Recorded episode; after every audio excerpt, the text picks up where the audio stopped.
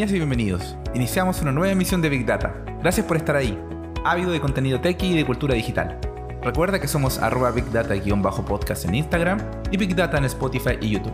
Si te gusta lo que escuchas, comparte y difunde nuestro contenido con tus amigos. ¡Comenzamos!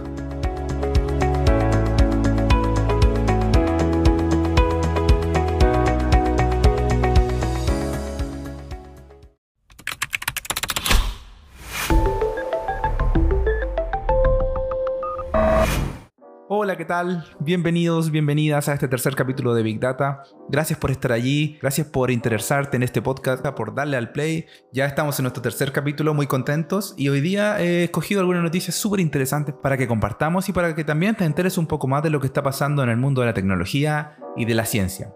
Iniciemos entonces con la primera noticia. Estados Unidos quita a Xiaomi de su lista negra tras alcanzar un acuerdo entre las partes. El Departamento de Defensa de los Estados Unidos retirará a Xiaomi de su lista negra. Esto permitirá a la empresa, entre otras cosas, que los inversores norteamericanos puedan invertir en la misma sin ningún tipo de restricción. La noticia evidentemente ha provocado un alza en la cotización de la acción de la bolsa de esta compañía en Hong Kong y si bien ambas partes no han cerrado todavía los detalles del acuerdo que pone fin a la inclusión de Xiaomi en esta lista negra de los Estados Unidos, no obstante, ambas partes sí se han comprometido a presentar la propuesta final ante el juzgado encargado del caso antes de este 20 de mayo del 2021, es decir, en un par de días. Estados Unidos incluyó a Xiaomi en la lista negra el pasado mes de enero, todavía bajo la administración de Donald Trump, y la marca china, posteriormente, impuso una demanda en la que calificó lo sucedido como inconstitucional. Semanas más tarde, un juez dio la razón a Xiaomi al bloquear temporalmente su inclusión en esta lista negra. La administración de Donald Trump incluyó a Xiaomi en esta lista alegando vínculos con los servicios militares de China, una afirmación que la marca siempre ha negado y por cierto lo ha hecho en repetidas ocasiones. Vale decir que en esta lista se encuentran muchas otras empresas chinas, incluyendo por ejemplo a la multinacional Huawei. Este movimiento podría interpretarse como un primer signo de paz entre los Estados Unidos y las empresas tecnológicas chinas. Sin embargo, aún son múltiples las restricciones impuestas por el país norteamericano a otras compañías de origen chino por lo que la situación entre ambos países parece ser tensa incluso bajo la administración de Joe Biden. En este sentido, el caso más sonado ha sido el de la compañía Huawei, que escaló significativamente desde el año 2019. Desde entonces, la marca de origen chino no puede instalar en sus teléfonos móviles servicios, por ejemplo, de Google, que son esenciales para la usabilidad de los teléfonos móviles y, por cierto, para ganar cierto porcentaje de mercado.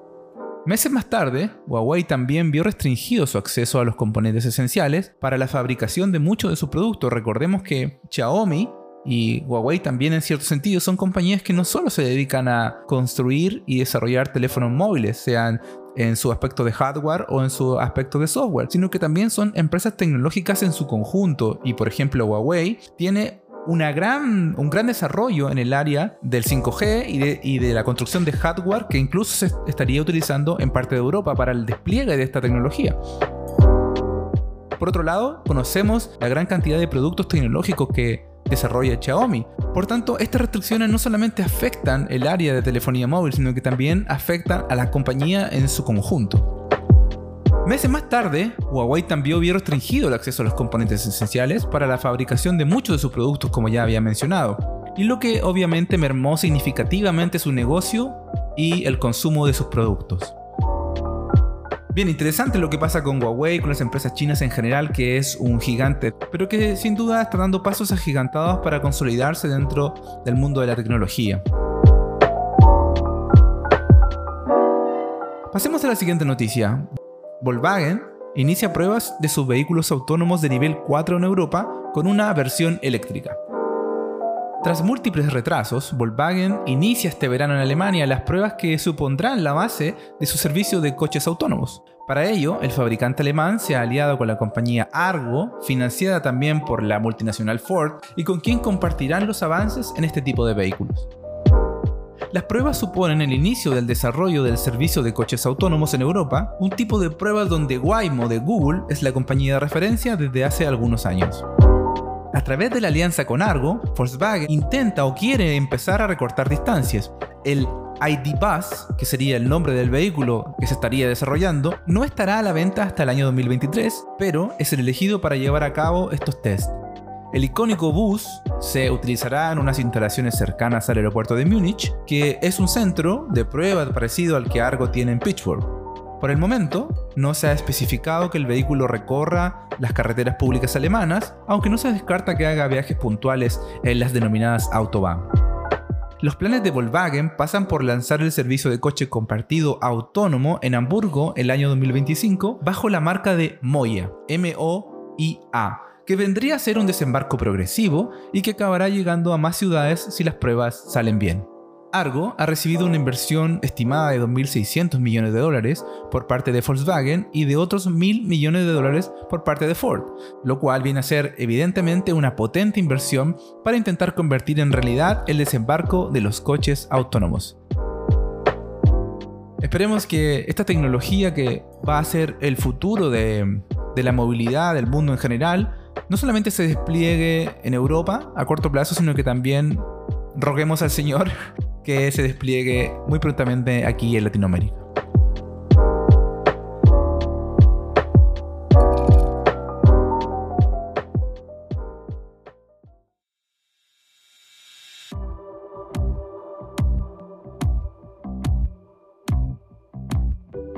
Bien, ahora quisiera contarte sobre algo que a mí me sirve mucho para poder trabajar y poder enfocarme y que espero que a ti también te sirva.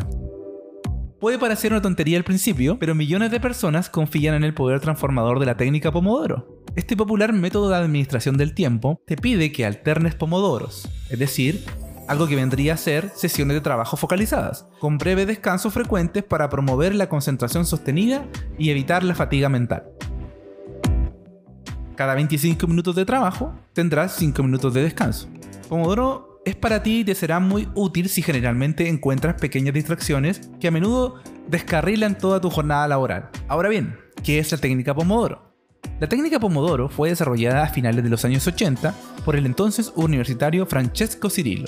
Cirillo estaba teniendo dificultades para concentrarse en sus estudios y completar las tareas que del mismo devenían, ¿no? Sintiéndose abrumado por esta situación, se pidió a sí mismo poder comprometerse con solo 10 minutos de tiempo de estudio enfocado. Animado por el desafío, encontró un temporizador de cocina con forma de tomate, que vendría a ser el pomodoro en italiano, y así nació la técnica pomodoro. Aunque Cirilo escribió un libro de 130 páginas sobre el método, su mayor fortaleza es su simplicidad. ¿Qué tenemos que hacer entonces para poder utilizar esta técnica?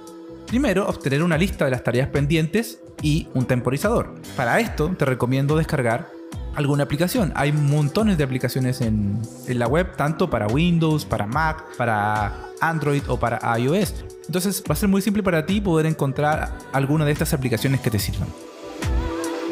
Luego de esto, configura tu temporizador en 25 minutos y concéntrate en una sola tarea hasta que suene el temporizador. Cuando termine tu sesión, marca un pomodoro y registra lo que has hecho. Luego disfruta de un descanso de 5 minutos. Después de 4 pomodores, podrás disfrutar de un descanso un poco más largo. En el caso de que estés en medio de una de estas sesiones de trabajo focalizado y exista alguna interrupción que sea inevitable, tómate tu descanso y comienza de nuevo. Se recomienda hacer un seguimiento de estas interrupciones, sean estas internas o externas, a medida que ocurren y reflexiona sobre cómo puedes evitarlas para tu próxima sesión de Pomodoro. La regla se aplica incluso si termina la tarea dada antes que suene el temporizador. Utiliza el resto de tu tiempo para aprender otro tipo de cosas o para hacer algo que realmente no hayas tenido tiempo antes de hacer. Pomodoro es una excelente técnica si te cuesta mantenerte concentrado y tienes muchas interrupciones a la hora de realizar tu trabajo, sea universitario o sea en tu campo laboral. Bien, finalmente te quería hablar de una situación un poco menos alegre que focalizarte en tu trabajo y encontrar técnicas nuevas para ser un poquitito más productivo. Y se trata de que se han filtrado cerca de 3.200 millones de contraseñas y de las cuales 31.000 serían del gobierno de México. Un grupo de hackers ha publicado de forma gratuita una base de datos que contiene la asombrosa cantidad de 3.280 millones de contraseñas. Según The Hacker News, la filtración incluye credenciales de inicio de sesión de diferentes servicios y redes sociales. Entre los datos, además, hay correos gubernamentales, por ejemplo, de los Estados Unidos, del Reino Unido, de Australia, de Brasil, de Rusia y de México. El paquete ha sido bautizado como COM21, siglas que hacen referencia a compilación de muchas filtraciones en inglés, Parte de la información ha sido comercializada por hackers a lo largo de los años en diferentes foros, y si bien muchos datos ya han sido publicados en el pasado, lo relevante del hallazgo actual es su gran tamaño. Los datos publicados contienen una enorme cantidad de correos y contraseñas relacionados a dominios gubernamentales. Entre ellos se encuentran 625.505 contraseñas del gobierno de los Estados Unidos, 205.099 de Reino Unido, 136.025 de Australia, 68.535 de Brasil, 50.000 de Canadá y más de 30.000 del gobierno de México.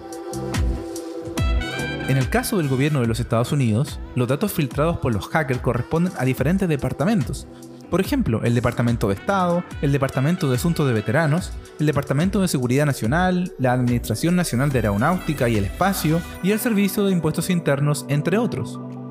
Los datos correspondientes a servicios públicos y entidades gubernamentales habrían sido obtenidos a través del descifrado de contraseñas, después de ser robadas o mediante ataques de phishing y espionajes clandestinos en conexiones inseguras. De acuerdo con Cyber News, el paquete habría comenzado a circular en foros de hackers a principios de febrero. Lo curioso de la base de datos es que incluye diferentes scripts los mismos que permiten consultar correos electrónicos y hacer diferentes clasificaciones. Es decir, no se trata de una enorme masa de texto plano, sino de una base de datos con un sistema de consulta. Además, los hackers organizaron los datos por orden alfabético, eran personas muy ordenadas, como podemos ver. Sin embargo, aún no se ha podido identificar el origen de cada una de las filtraciones individuales que conforman todo este paquete. Un vistazo rápido revelaría también usuarios y contraseñas de servicios como Netflix, Gmail, Yahoo, Hotmail y otros más. Según la publicación ya citada, además de los datos gubernamentales, existen más de 200 millones de correos de Gmail y 450 millones de direcciones de correo electrónico de Yahoo. Por tanto, sería preciso remarcar que Netflix y Gmail nunca informaron haber sido víctimas de una violación de datos. Microsoft, por su parte, sí fue víctima de hackers el año 2019 y lo mismo ocurrió con Yahoo el año 2016. Estas dos empresas sí informaron de haber sufrido algún tipo de filtración a partir de algún ataque de hackers. El problema de estas bases de datos con información personal circulando por Internet es que pueden ser utilizadas por otros hackers para montar campañas de suplantación de identidad, estafas o phishing. Además, el peligro se ve incrementado en los usuarios que utilizan las mismas contraseñas en varios servicios. Bien, interesante esto que nos cuenta de mm, Hacker News respecto a esta gran filtración de 3.200 millones de contraseñas, de las cuales existe un gran, un gran porcentaje que es parte gubernamental, pero sin obviar también que existe otro gran porcentaje que son datos privados de diferentes personas, tales sean de sus correos electrónicos o de sus cuentas de servicios de streaming. Muchas gracias por acompañarme en esta misión. Para más contenido, búscanos como arroba Data en Spotify, Apple Podcast, Google Podcast o donde sea que escuches tu podcast. Revisa nuestras redes sociales, síguenos y si te gusta lo que escuchas, comparte y difunde nuestro contenido. Nos encontramos la próxima semana.